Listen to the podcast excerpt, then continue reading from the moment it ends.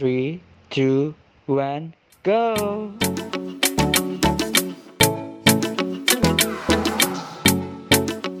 Tadi uh, komposisi itu bisa berubah tiba-tiba tuh mana tahu ada teman-teman yang penasaran gitu. Itu sebenarnya karena apa ya kak? Penyebab utamanya? Penyebab utamanya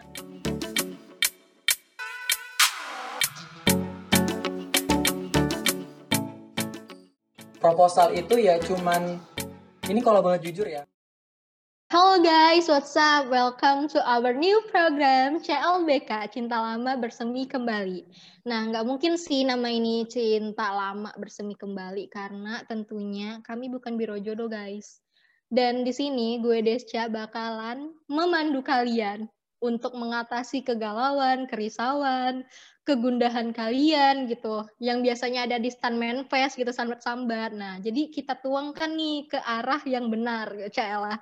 Jadi kami bakalan ngobrol-ngobrol santai sama kating-kating yang spektakuler di acara cerita lo buat KTTA. Nah, jadi kalian wajib banget nih dengerin karena pada episode kali ini aku udah ditemenin sama Kating yang bener-bener aktif, kontributif, peduli, serta bangga, solid, dan beretika kalau kata bos akuntansi gitu kan.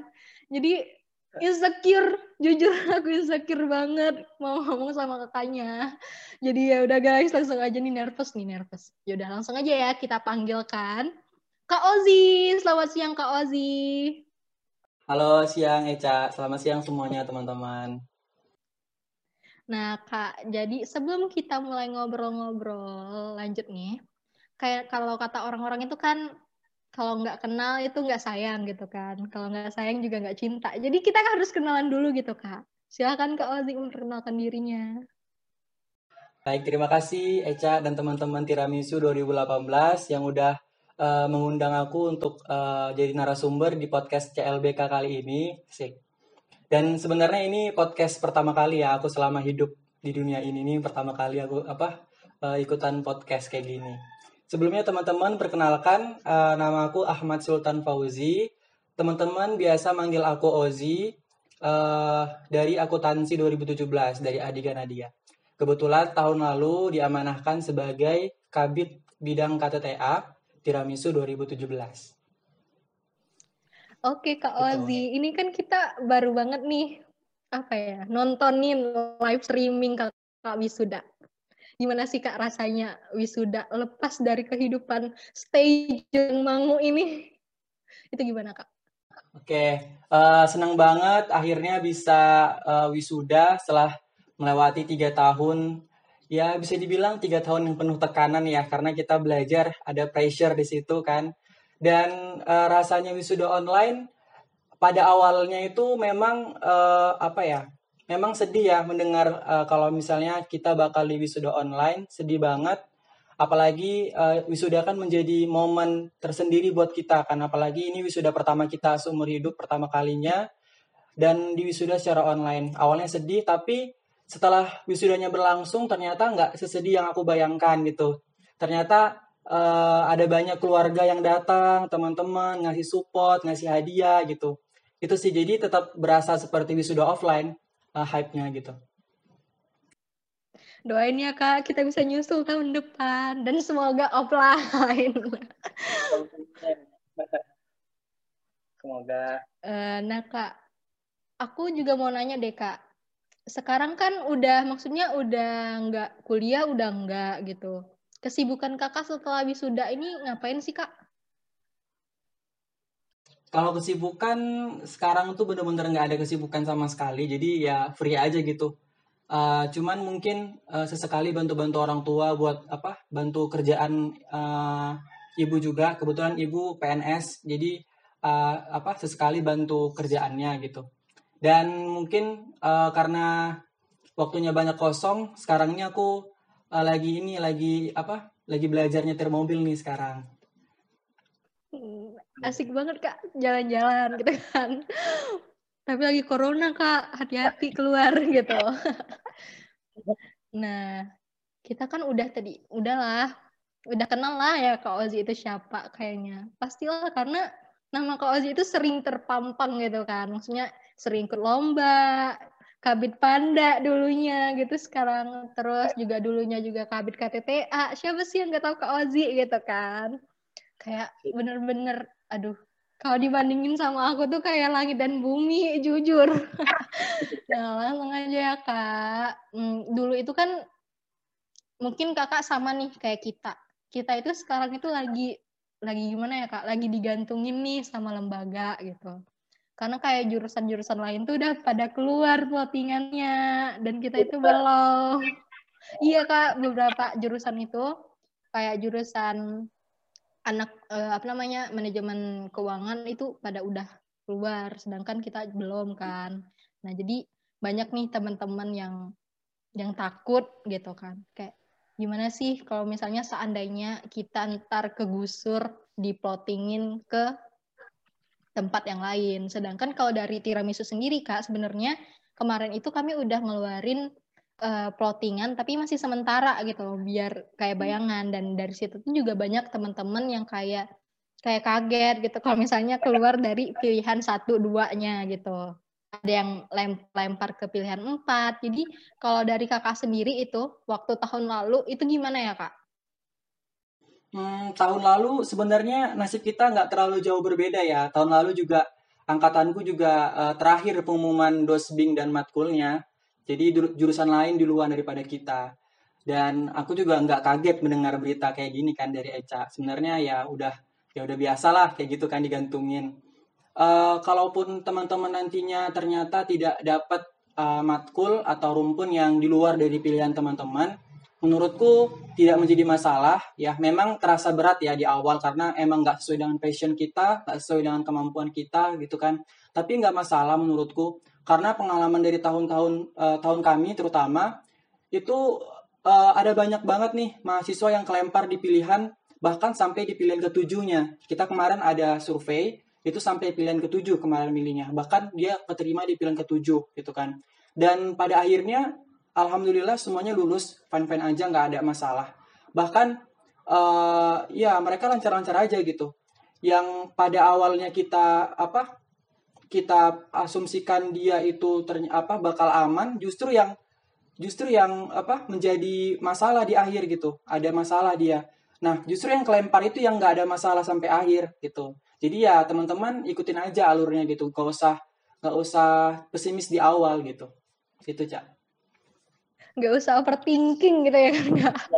karena kan ada tuh uh, ada beberapa yang protes kayak loh kok di potnya sementara kemarin nih kak kayak, loh kok aku ditempatin di pilihan empat sedangkan aku pilihan satu dua tiga aku juga yang istilahnya itu yang nggak mungkin nggak banyak-banyak banget peminatnya tapi kan maksudnya itu peminat tahun lalu dan tahun sekarang itu beda ya kali angkatan orang-orangnya aja beda gitu apalagi hasil itunya gitu kan.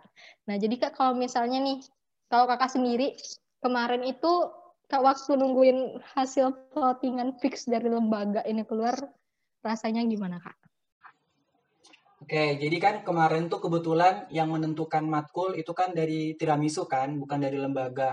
Uh, memang pada akhirnya di ending-ending itu lembaga uh, kayak ngasih uh, perubahan komposisi matkul. Dah Nah, dan itu yang membuat kami juga udah pusing kan, karena kami udah ngumumin duluan nih matkul ke anak-anak. Ternyata ada perubahan komposisi dari lembaga kayak audit sama AQ ternyata diperbanyak kuotanya.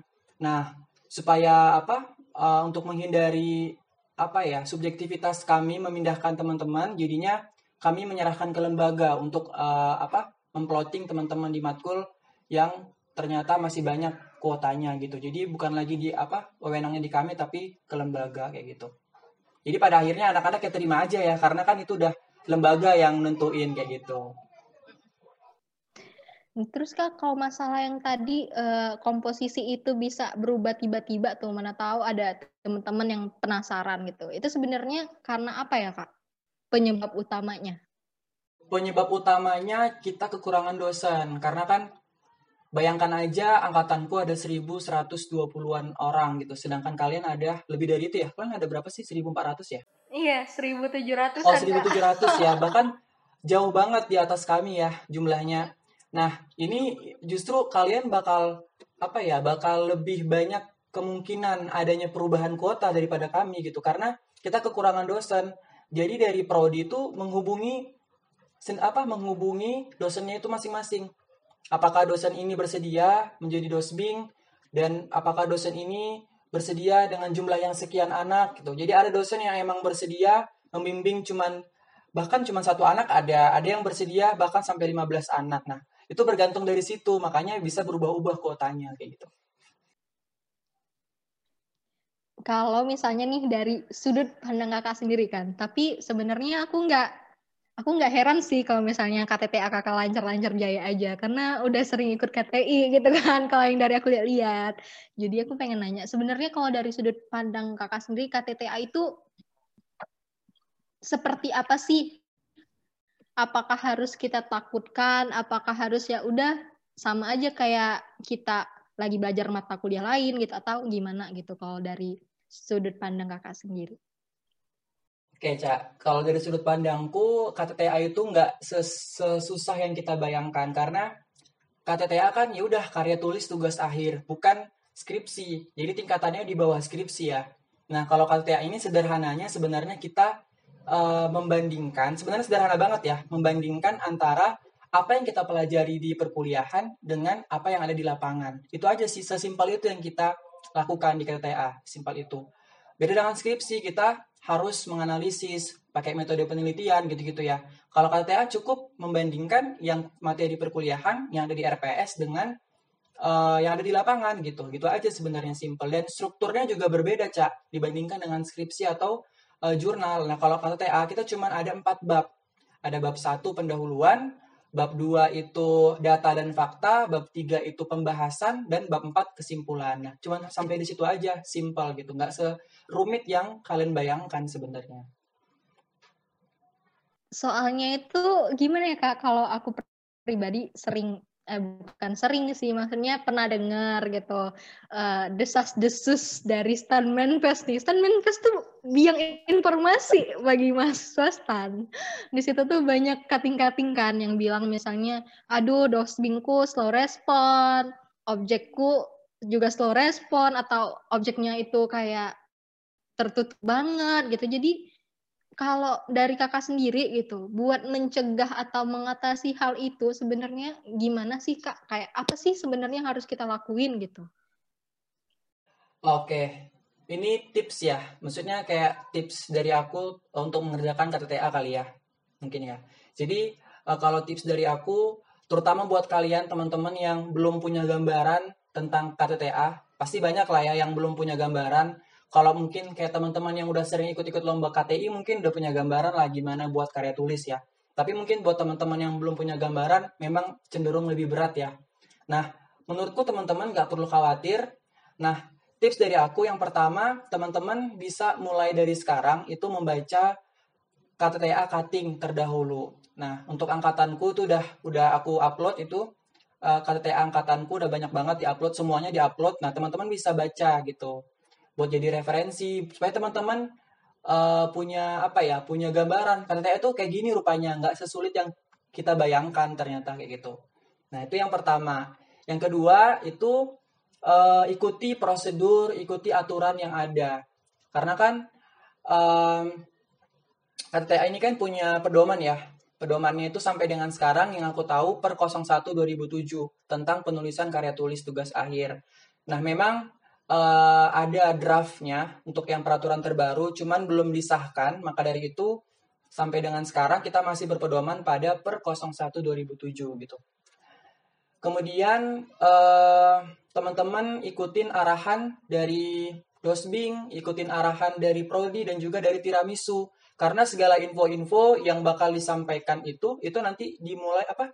disampaikan langsung oleh Tiramisu gitu. Jadi jangan termakan hoax atau termakan informasi yang nggak disampaikan langsung dari tiramisu gitu. Karena banyak sekali nih ya info-info yang bakal teman-teman dengar nanti dari jurusan-jurusan lain. Nah, kalau aku boleh menyarankan itu satu arah, satu pintu kalau bisa informasinya itu dari tiramisu akuntansi.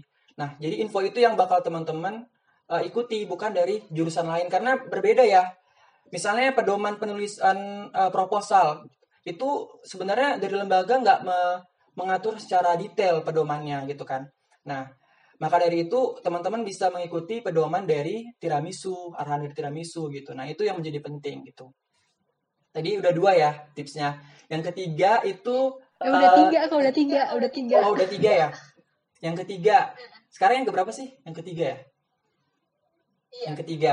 Nah yang ketiga itu saran dariku rutin bimbingan, konsultasi dengan dosbing, dosen pembimbing. Karena bagaimanapun dosbing lah yang, yang nantinya meng-ACC atau menyetujui karya tulis teman-teman. Kalau dosbing nggak menyetujui, otomatis teman-teman nggak bisa menyerahkan karya tulisnya ke lembaga yang pada akhirnya teman-teman bisa nggak lulus karena dosbing nggak menyetujui. Nah, maka dari itu ya saranku ya secara uh, rutin konsultasi dengan dosbing gitu. Nah, bagaimana kalau misalnya dosbingnya slow respon? Pasti ada aja ya dosbing yang slow respon kan. Pasti banyak pengalaman dari tahunku juga banyak banget dosbing yang slow respon. Nah, uh, solusi dariku kalau menghadapi dosen yang slow respon, yang pertama berusaha seefisien mungkin untuk bimbingan dengan dosbingnya. Jadi kalau misalnya dosbingnya itu slow respon, pasti kan jumlah atau intensitas bimbingannya kan bakal terbatas ya, gitu kan. Nah, ketika teman-teman bimbingan, usahakan ya bimbingannya seefektif dan seefisien mungkin. Sampaikan semuanya, Eh, semua apa yang perlu teman-teman sampaikan, pertanyaan apa yang perlu teman-teman tanyakan kepada dosen pembimbing kayak gitu. Jadi eh, nggak berulang-ulang pertanyaannya karena kan dosbingnya ini slow respon nih gitu kan. Nah, biar secara biar langsung disampaikan gitu. Jadi seefisien mungkin gitu. Itu yang pertama kalau menghadapi dosbing yang slow respon. Yang kedua, jangan coba-coba memberikan draft KTTA mepet deadline. Nah, ini pengalaman tahun lalu ya, Cak ya. Tahun lalu itu eh nggak tahun lalu, Deng. Baru-baru ini ya kemarin. Eh, itu temanku ada yang Iya, ada yang menyampaikan draft KTTA-nya itu hamin seminggu pengumpulan gitu. Nah, ketika disampaikan ternyata dosbingnya memberikan revisi yang cukup besar, hampir hampir semua KTTA-nya itu direvisi gitu, Eh, sub- secara substansi semuanya di- direvisi gitu kan. Nah, ini jadi masalah karena dia baru menyampaikannya di akhir-akhir pengumpulan gitu kan. Bahkan ada yang direvisi dosbingnya Hamin satu. Ini kalau boleh cerita ya, Hamin satu tuh direvisi dan ya bener-bener iya udah pesimis banget kemarin tuh kita kayaknya udah bakal lepas nih anak gitu. Ternyata alhamdulillah berkat bantuan kita semua, alhamdulillah dia bisa lulus gitu. Nah, ini perlu teman-teman waspadai ya, jangan sampai ngasih draft KTTA ke dosbing itu mepet-mepet. Kalau bisa jauh-jauh hari udah dikasih draftnya gitu ya. Terutama untuk dosbing yang slow respon ya ini ya. Itu dua tipsnya. Yang ketiga, kalau misalnya teman-teman emang eh, butuh banget eh, saran atau butuh banget masukan dari dosbing, sementara dosbingnya slow respon, eh pakai etika bagaimana menghubungi dosen. Yang pertama, PC dulu ya, PC. Kalau misalnya nggak dibalas, email bisa. Atau kalau emang udah butuh banget tapi nggak dibalas-balas, bisa ditelepon secara langsung. Atau kalau udah ditelepon nggak diangkat juga, bisa hubungi tim tiramisu. Nanti tim tiramisu yang menyampaikan ke kaprodi kayak gitu. Jadi seperti itu ya tahapannya gitu. Jangan langsung menyampaikan ke kaprodi, tapi sampaikan dulu ke tiramisu. Nanti tiramisu yang menyampaikan ke kaprodi kayak gitu. Nah itu ya tadi tips eh yang ketiga ya untuk mengerjakan KTA. Nah, tips yang keempat itu eh, kumpulkan dulu data sebanyak-banyaknya. Nah, eh, biasanya itu pengumpulan data pada saat kita masa-masa PKL biasanya. Nah, pada masa ini teman-teman kumpulkan data sebanyak-banyaknya karena lebih bagus kita kelebihan data kan, Cak, daripada kekurangan data gitu. Kalau misalnya kita kekurangan data, kita harus menghubungi objeknya lagi kan. Apalagi dalam kondisi pandemi COVID kan, tentu sulit kah kalau misalnya kita harus ke objeknya lagi gitu ya, harus menghubungi lagi. Nah, kalau bisa ketika memperoleh data, langsung datanya diambil sebanyak-banyaknya dari objeknya, atau dari narasumbernya. Supaya kita nggak perlu lagi uh, ke, ke objeknya atau kita menghubungi objeknya lagi gitu. Tips yang terakhir, ini penting, jangan ditunda-tunda. Jadi kalau ngerjain KTA itu, usahakan kerjakan ya dari sekarang udah bisa dikerjakan lah proposal ya dari sekarang. Tapi belum di ini ya, belum belum fix ya pengumuman matkulnya ya sampai sekarang. Iya belum, makanya kayak bingung gitu kan, kami itu harus ngapain sekarang gitu. Kalau belum fix, belum bisa belum buat proposal. Kita diemin, takutnya tiba-tiba plek apa apa yang maksudnya apa yang udah dikasih tim tiramisu nih kita kerjain. Maksudnya ya udah kita mulai mikirin tuh mau objeknya apa judulnya apa tiba-tiba plok dari lembaga pindah jalur. Itu kan agak-agak shock sedih. Iya. agak-agak mau meninggal loh ada gitu kan. Ini kayak aduh ya ampun. Jadi kami tuh nggak tahu kak bener-bener nggak tahu arah mau ke mana gitu sekarang.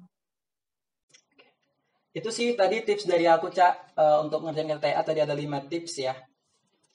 Nah, kalau misalnya emang dari lembaga sampai dengan sekarang belum apa ya, belum ngasih tahu matkul dan dosbingnya, eh saranku sih kalian bisa melakukan tips yang pertama tadi ya, untuk baca-baca KTTA cutting terdahulu supaya kalian punya gambaran kira-kira KTTA itu kayak gini gitu.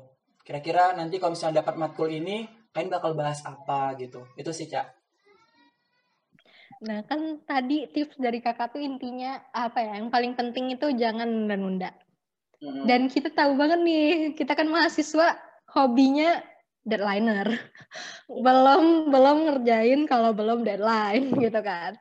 Nah, kalau dari Kakak, tips menghilangkan kebiasaan buruk itu apa ya, Kak?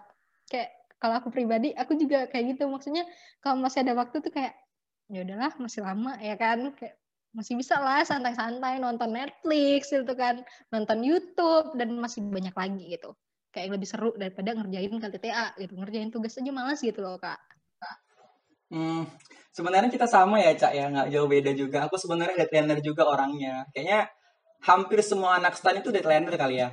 Nah, tapi eh, sebisa mungkin boleh sih deadlineer, tapi jangan sampai mepet-mepet pengumpulan banget gitu. Nggak apa-apa sih deadlineer. Mungkin kita punya kesibukan masing-masingnya atau kayak jenuh gitu ya. Nggak apa-apa. Tapi kalau bisa dicicil aja dari dari sedikit demi sedikit lama-lama kan menjadi bukit kan. Eh, ya dari sekarang mungkin kalau misalnya nih teman-teman udah punya apa udah punya op- apa matkul udah fix matkulnya nah mungkin teman-teman sekarang bisa menyicil proposal gitu baca-baca proposal cutting supaya teman-teman punya gambaran gitu kan terus eh, mungkin eh, apa ya mulai bisa menghubungi objek gitu dicicil menghubungi objek Eh, kan biasanya kalau kita menghubungi objek tuh harus punya surat riset ya Nah, nanti bisa diajukan surat risetnya. Jadi dicicil, jangan jangan di situ mau pengumpulan, di situ baru menghubungi objek, itu baru buat surat riset. Nah, itu itu udah dadar parah sih itu. Nah, bayangkan aja gini.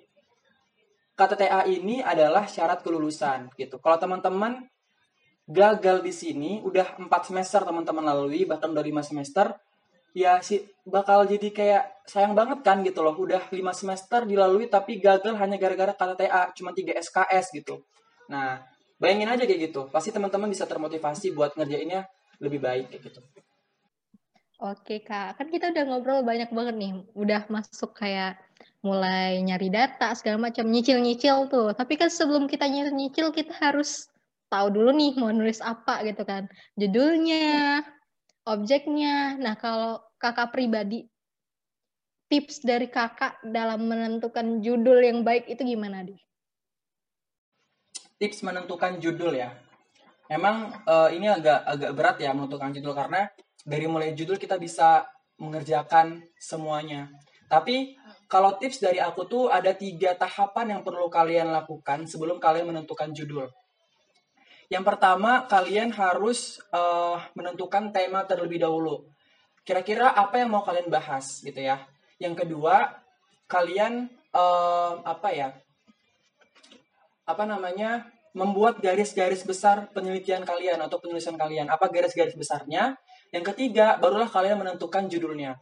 Tuh, jadi ini aku jelas satu-satu ya, step by stepnya. Tadi yang pertama, menentukan tema dulu ya. Jadi tema ini nanti mencakup apa yang kita bahas secara garis besar sama objek dan mungkin tahun yang mau kita bahas tahun berapa ya kan. Misalnya kita mau bahas rasio kinerja keuangan PT ABC tahun berapa. Nah, itu juga menjadi penting ya tahun dan objeknya. Tema itu mencakup tahun dan objeknya apa gitu ya. Nah, bagaimana cara kita menentukan tema? Yang pertama, seperti yang aku sampaikan tadi, baca dulu kata TA cutting-cutting yang terdahulu supaya teman-teman lagi-lagi punya gambaran apa yang mau dibahas gitu ya. Yang kedua, teman-teman juga bisa baca-baca referensi dari media yang lain, misalnya dari media online seperti jurnal atau dari artikel atau atau bahkan dari skripsi yang ada di internet. Kalau sekarang kan mungkin dalam kondisi pandemi Covid sekarang kita sulit ya mendapatkan referensi dari perpus ya.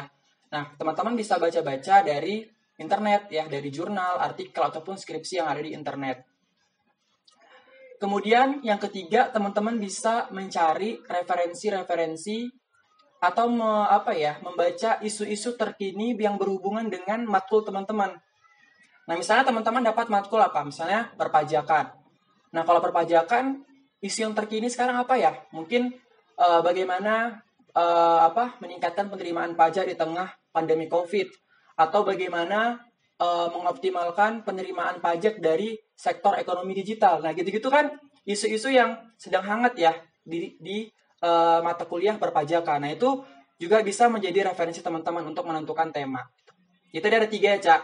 Baca uh, KTA cutting, kemudian baca referensi dari uh, online, dan bisa mencari isu-isu terkini di bidang matkul teman-teman. Nah, saat teman-teman udah banyak nih dapat referensi, nah teman-teman kan pasti udah punya gambaran ya apa uh, tema yang bakal teman-teman bahas. Nah, catat temanya apa aja. Misalnya tadi, uh, oh aku mau bahas ekonomi digital, pajak ekonomi digital. Atau yang kedua listnya aku mau bahas uh, apa ya misalnya bagaimana mengoptimalkan penerimaan pajak di tengah pandemi gitu-gitu ya. Nah, itu tadi listnya. Nah, listnya ini teman-teman bisa sampaikan pada dosen pembimbing untuk didiskusikan kira-kira uh, dosbingnya setuju nggak ya dengan tema ini gitu ya. Nah, ketika teman-teman menentukan tema, yang menjadi penting adalah teman-teman harus mempertimbangkan kemampuan atau kapasitas teman-teman gitu, Cak. Jadi, jangan sampai kita membahas suatu masalah yang kita kira-kira kita nggak bakal mampu untuk mengerjakannya gitu. Nah, pertimbangkan juga itu karena ini bakal berdampak sampai nanti teman-teman di akhir pengumpulan. Ya jangan sampai ya boleh sih kita apa membahas sesuatu yang baru, sesuatu yang kira-kira bagus untuk dibahas gitu ya. Kelihatan keren boleh, tapi jangan sampai ini menjadi bumerang buat kalian yang menjadi penghambat kalian gitu. Pertimbangkan itu.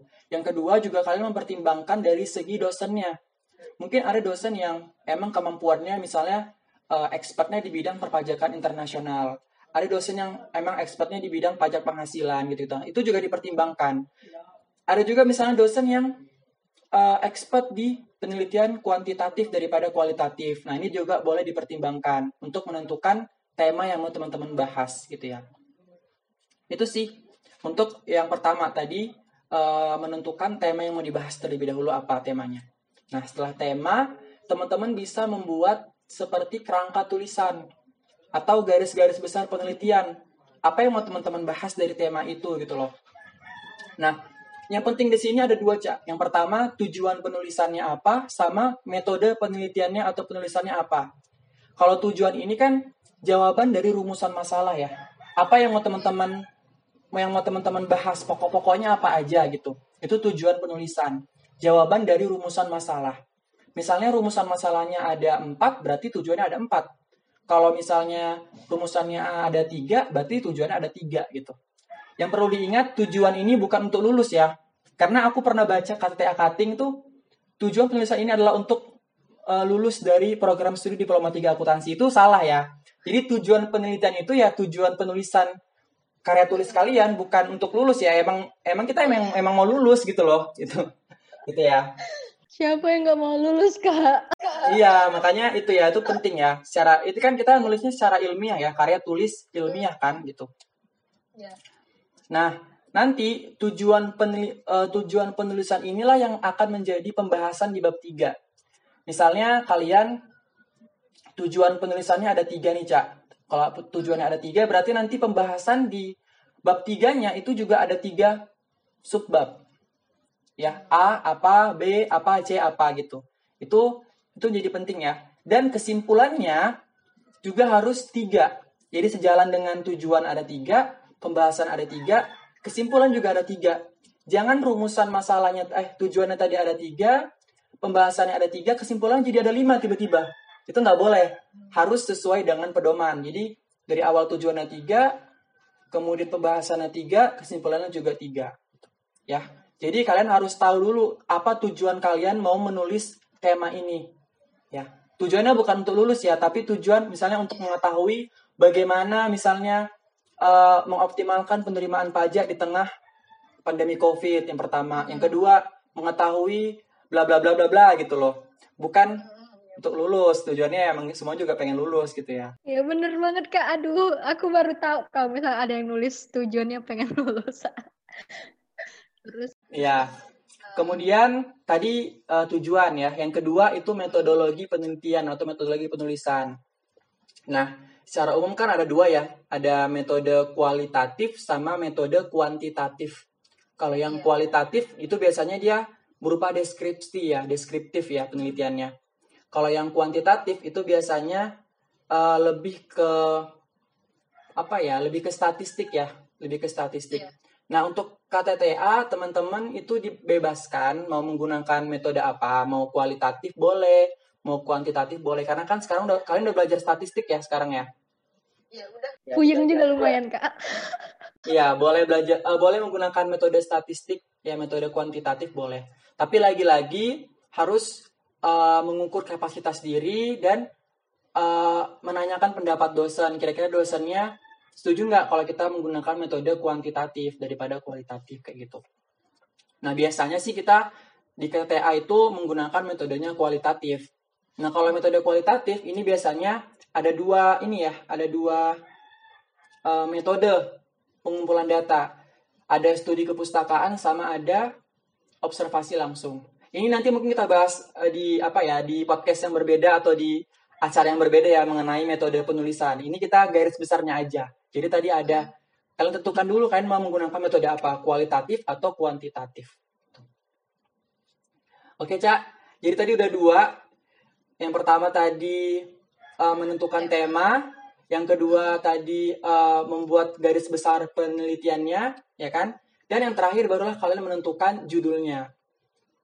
Nah, jadi tadi udah udah dari sekian banyak yang kalian uh, cari informasinya, baru kalian list nih judul-judulnya kira-kira apa yang bakal kalian uh, bakal kalian buat. Kalian list, baru kalian serahkan ke dosen pembimbing. Kira-kira dosen pembimbingnya itu lebih setuju di uh, judul yang mana gitu. Kayak gitu. Oh berarti sebenarnya kita juga perlu nggak sih kak mendekatkan diri gitu ke dosen pembimbing menurut kakak? Perlu, perlu banget sih menurutku itu jadi memudahkan kita buat apa komunikasi. Nah, semisalnya nih Kak, kan kita maksudnya uh, udah prepare. Ibaratkan adalah mungkin beberapa teman-teman di angkatanku yang udah uh, prepare gitu kan nyiapin judul segala macam. Nah, kira-kira sebenarnya itu kalau tiba-tiba nih nanti kita pindah matkulnya atau diplotingin di matkul lain, susah nggak sih Kak untuk mencari judul lagi atau benar-benar sebenarnya itu ya tinggal ganti objeknya doang gitu. Kalau kata orang kan ada yang semudah itu tinggal ganti objeknya doang gitu. Kalau misalnya beda matkul antara misalnya akuntansi keuangan sama akpem gitu. Kan sama-sama akuntansi cuman mungkin beda objeknya aja yang satu perusahaan, yang satu ya pemerintahan gitu. Hmm, kalau uh, berganti matkul mungkin uh, agak berat ya, Cak, karena kan uh, apa ya apa yang dibahas itu kan udah berbeda ya kalau mungkin kalian berganti objek itu mungkin lebih gampang daripada berganti matkul kalau berganti matkul ya pasti berbeda kan pembahasannya kayak yang tadi Eca bilang kalau untuk akpom berarti objeknya ya berhubungan dengan instansi pemerintah, Pemda ataupun KL gitu ya. Kalau misalnya dia akuntansi keuangan berarti berhubungan dengan perusahaan ataupun UMKM gitu. Ya untuk kemungkinan jadi kalau misalnya lembaga udah ngumumin nih matkul matkul dan uh, matkul dan dosbingnya itu kemungkinan besar nggak bakal berubah lagi sih kalau dari tahunku. Berubah mungkin kalau ada sesuatu yang urgent kayak misalnya dosennya ada yang mohon maaf kemarin ada yang meninggal atau kemudian ada dosen yang sakit itu bisa berubah gitu. Tapi secara umum sih uh, selama ini nggak nggak ada yang sampai berubah mendadak nggak ada gitu. Kalau sekarang kan berubah ya mungkin aja karena emang belum fix diumumkan sama lembaga kan gitu cak Oke Kak, berarti jatuhnya ya harus prepare banget nih buat KTTA gitu. Nah kalau dari kakak sendiri, pengalaman kakak untuk mencari inspirasi judul itu apa ya kan ada tuh orang-orang yang hobi misalnya ngeliatin senja gitu dapat inspirasi saya minum kopi gitu kan. Nah kalau kakak nyari inspirasinya gimana gitu? Kalau aku kemarin tuh uh, inspirasinya dari artikel dari jurnal-jurnal yang udah pernah ada dibahas gitu. Kemarin tuh aku ngebahas masalah perpajakan uh, di financial technology kan. Jadi memang uh, itu menjadi isu yang sedang hangat kan saat ini gitu. Jadi ya itu aku baca-baca berita, baca-baca artikel yang yang emang berhubungan dengan pajak ekonomi digital. Kebetulan aku dapatnya itu yang financial technology yang aku bahas gitu. Itu sih, Cak. Nah, terus Kak aku mau nanya lagi juga. Uh, bentar, menurutku gini, Cak. Uh, apa yang kita tulis itu bergantung dari apa yang kita baca, Cak. Jadi semakin kita banyak membaca, semakin kita bagus tulisan yang kita yang kita buat gitu. Itu sih, Cak. Jadi kita harus rajin-rajin baca artikel, jangan bacanya timeline doang gitu kan, stand manifest, stalking sampai kelar gitu. Nah jadi kak, kam, uh, aku juga mau nanya nih kayak pertanyaan semua orang rata-rata kebanyakan. Sebenarnya boleh nggak sih kak apa ya kayak judulnya itu hampir sama bahkan mirip sama judulnya cutting-cutting gitu KTTA-nya? Apa emang nggak boleh gitu? Nggak boleh, nggak boleh sama persis nggak boleh. Uh, gimana ya? Boleh sama tapi diganti, misalnya objeknya diganti atau mungkin tahunnya diganti ya. Mungkin ada cutting yang bahas misalnya masalah uh, rasio kinerja keuangan PT apa ya? PT Garuda Food tahun 2000 10 sampai dengan 2015. Nah, mungkin ada cutting yang bahas itu ya. Nah, teman-teman bisa bahas di 2016 sampai tahun tahun 2000 misalnya 19 gitu boleh. Diganti tahunnya boleh. Objeknya misalnya boleh diganti. Cutting yang kemarin bahasnya PT Garuda Food, teman-teman ganti jadi PT misalnya apa gitu. Diganti uh, objeknya boleh. Tapi jangan sama persis itu nggak boleh. Oke kak, terus kalau aku dengar-dengar juga kemarin itu kalau nggak salah data data di tahun kakak udah bisa pakai data sekunder kan kak, udah dibolehin pakai data sekunder. Nah itu kemarin data sekunder itu dibolehinnya itu waktu udah udah bener-bener apa ya, udah bener-bener mentok gara-gara covid, apa gimana? Apalagi kan kayak kita nih, kami belum tahu entar semester depan itu bakalan offline kah atau tetap kayak gini kami di rumah gitu belajarnya. Jadi bener-bener nggak tahu gitu uh, untuk peraturan terkait dengan pengambilan data itu memang berubah ketika adanya COVID ini ya. Jadi awalnya memang uh, apa? Sebenarnya di, dari awal juga dibolehkan sih pakai data sekunder, tergantung tergantung persetujuan dari dosen pembimbing sih sebenarnya. Cuman setelah pandemi COVID, memang lembaga itu uh, apa? Lembaga ngasih pengumuman bahwasanya uh, dosen pembimbing itu gimana ya bahwasanya ketika mahasiswa itu menggunakan data sekunder itu dosen pembimbing seenggak apa seharusnya itu mengizinkan karena memang dalam kondisi yang sekarang ini sulit ya dapat data yang secara langsung kan jadi emang diperbolehkan gitu dan aku pikir untuk tahun ini juga uh, bakal diperbolehkan juga menggunakan data sekunder kayak gitu. Oke kak, jadi pertanyaan-pertanyaan yang aku tanyain tadi itu umumnya rata-rata adalah pertanyaan yang paling sering ditanyakan sama anak-anak angkatanku ke tim tiramisu. Sampai jumpa di podcast selanjutnya. Terima kasih.